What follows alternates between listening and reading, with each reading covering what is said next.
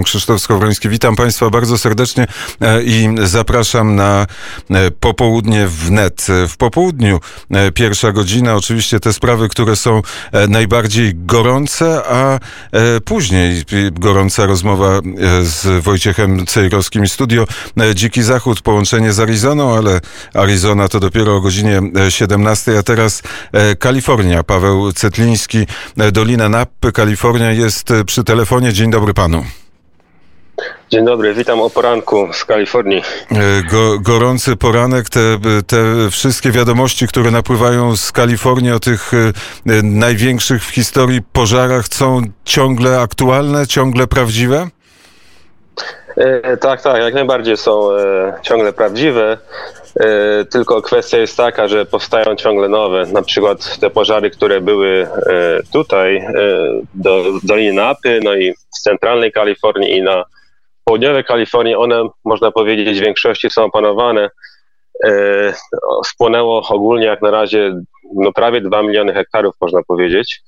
E, te pierwsze pożary zaczęły się od uderzenia e, pio, piorunów i teraz największy pożar jest w hrabstwie Butte, to jest północna Kalifornia oraz płonie wielki obszar koło pa, słynnego parku Yosemite, ale największy problem, jeśli chodzi może tutaj o Lanapy i innych części Kalifornii, jest właśnie e, dym, ponieważ dym jest zwiewany setek kilometrów e, i na przykład tak jak teraz po poranku u nas w Napa jest widać dym w powietrzu.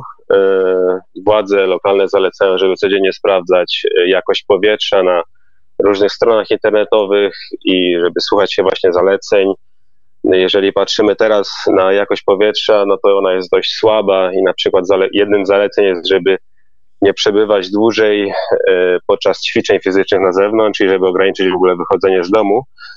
E, w tamtym tygodniu był nawet jeden dzień, gdzie niebo było dosłownie czerwone cały dzień. E, było ciemno, trzeba było używać światła. Wyglądało to trochę apokaliptycznie. E, no, strażacy pracują dzień i noc po 20 godzin, e, używają buldożerów, żeby e, robić takie zapory z ziemi. No, dodatkowo jeszcze problem jest taki, że duży obszar też płonie w stanie Oregon i z tamtych obszarów też jest zwiewany dym. No jak na razie z tego co widziałem, no zginęło niestety 14 osób, zginęło jakaś niewielka ilość strażaków.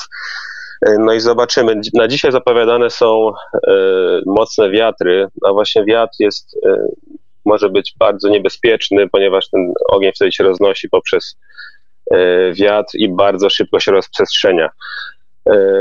No dzisiaj też przyjeżdża prezydent Trump właśnie do Sacramento i będzie w, w tych okolicach, właśnie bardziej na północy, spłonęły duże obszary. E, także e, jeśli chodzi o tutaj, gdzie ja mieszkam, no to niby pożary są e, opanowane. U nas spłonęło około 400 hektarów, ale zobaczymy, jak, jak to dalej będzie dzisiaj na północy.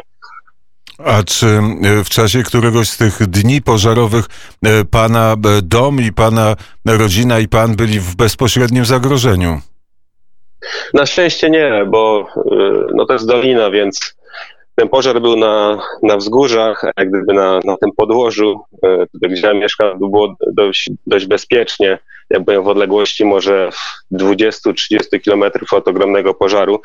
Oczywiście widać go było codziennie, to było takie, jakby ktoś rozpalił gigantyczne ognisko na, y, na górze, ale na szczęście bezpośredniego zagrożenia dla nie było. Dla moich znajomych tak. Y, akurat znam się z szeryfem y, hrabstwa Napa, więc jego dom był bezpośrednio zagrożony, ale on akurat postanowił y, ugasić pożar na, swoim, na swojej posiadłości z własnymi synami i udało mu się uratować swój dom, a dosłownie wszystkie domy dookoła spłonęły. Także no, oczywiście nie, wspominałem o ofiarach, ale należy powiedzieć, że setki ludzi w Kalifornii straciło e, swoje domy, a często to są domy, które odbudowali po pożarach w 2017 roku i one spłonęły ponownie. Także no jest to duża tragedia dla wielu mieszkańców Kalifornii. A czy te pożary rzeczywiście są inne i większe niż te, które były w 2017 roku czy w latach poprzednich? Tak, rozmiarowo na pewno są większe. Ale informacja, która y, może i była w polskich mediach, Trump swego, wypowiedział się może z miesiąc temu, y, że winą właśnie pożarów w Kalifornii jest to, że y, Kalifornia nie, nie pozbyła się liści z lasów, ale chyba prezydent się przejęzyczył, bo problem jest taki, że Kalifornia jest znana, znaczy władze Kalifornii znane są z tego, że za wszelką cenę chcą wprowadzać ustawy, które chronią naturę, do tego stopnia, że one zagrażają ludziom, bo problem jest taki właśnie, że poprzez wysokie temperatury, które są normalne w Kalifornii, wiele drzew e, po prostu ginie i one w końcu rozpadają się i tworzą ściółkę w lesie, która bardzo łatwo się podpala. E, I kwestia jest taka, że wielu specjalistów od środowiska pracujących dla Stanów Kalifornia uznało, że nie można się pozbywać tej ściółki, ponieważ no, zabija to naturalne środowisko dla insektów czy zwierząt. E, więc w kalifornijskich lasach, które właśnie tutaj są głównie w północnej i centralnej Kalifornii, e, jest to materiał bardzo łatwopalny. E, I te, no jednym właśnie z powodów tych pożarów jest to, że, że nic nie zrobiono dla ochrony tak naprawdę, żeby te pożary się nie rozprzestrzeniały. Oczywiście gubernator Newsom cały czas tłumaczy te pożary globalnym ociepleniem i że za mało właśnie wprowadza się e, ustaw czy projektów, które będą chronić e, naturalne środowisko, które za, będą zapobiegać podnoszeniu się temperatur co roku. Nawet próbował współpracować no, po części nielegalnie z, z premierem Trudeau z Kanady. Także są większe te, te pożary, tak, ale, ale jest, jest ku temu powód. Nie, znaczy, przynajmniej według mnie nie. Mhm. A, czy e, nie było e, i nigdzie się nie pojawiała hipoteza, że gdzieś w tych pożarach uczestniczył człowiek, czyli krótko mówiąc, że mogłyby być to podpalenia? E, tak, słyszałem taką teorię, chociaż w tutejszych mediach raczej ciężko było to znaleźć, że mo możliwe, że byli to na przykład e, członkowie Antify, którzy, e, którzy podpalali te lasy. Słyszałem też teorię, że gdzieś tam w tych właśnie zgliszczach znaleziono e, urządzenia, czy właśnie materiały łatwopalne, które miały rozpalić to. Słyszałem o spiskowych teoriach, że to jest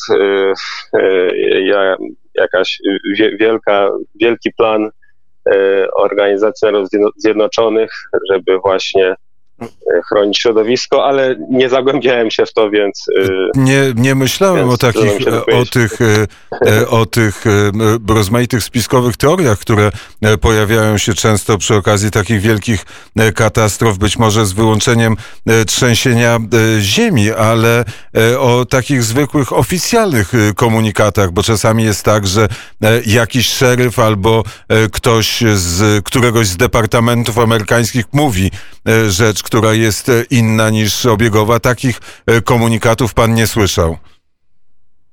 Nie, nie. Jedyny ko komunikat, y, który był oficjalny, podawany właśnie między innymi przez biuro szeryfa jest taki, że te pożary, które przynajmniej zaczęły się u nas, były spowodowane przez uderzenia y, piorunów. Y, a co zresztą też jest anomalią, bo burze w Kalifornii, szczególnie w tym okresie, są bardzo, bardzo rzadkie, więc więc oficjalnym e, takim powodem było czy, właśnie uderzenie czy jest...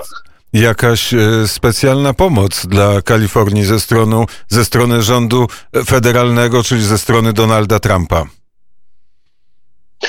E, nie słyszałem, żeby była jakaś bezpośrednia pomoc ze strony mm, rządu federalnego, ale na pewno wiem, że gubernator Newsom stara się o, o fundusze federalne właśnie między innymi, e, żeby wspomagać tutejsze, tutejsze środowisko, no i różne inne projekty, ale myślę, że też pewnie będzie starał się o pomoc federalną, żeby pomóc osobom, które choćby straciły domy, No ale odpowiedź prezydenta Trumpa jest taka, że on z chęcią pomoże, jednak Kalifornia będzie musiała zmienić swoją politykę, żeby dostać te fundusze federalne.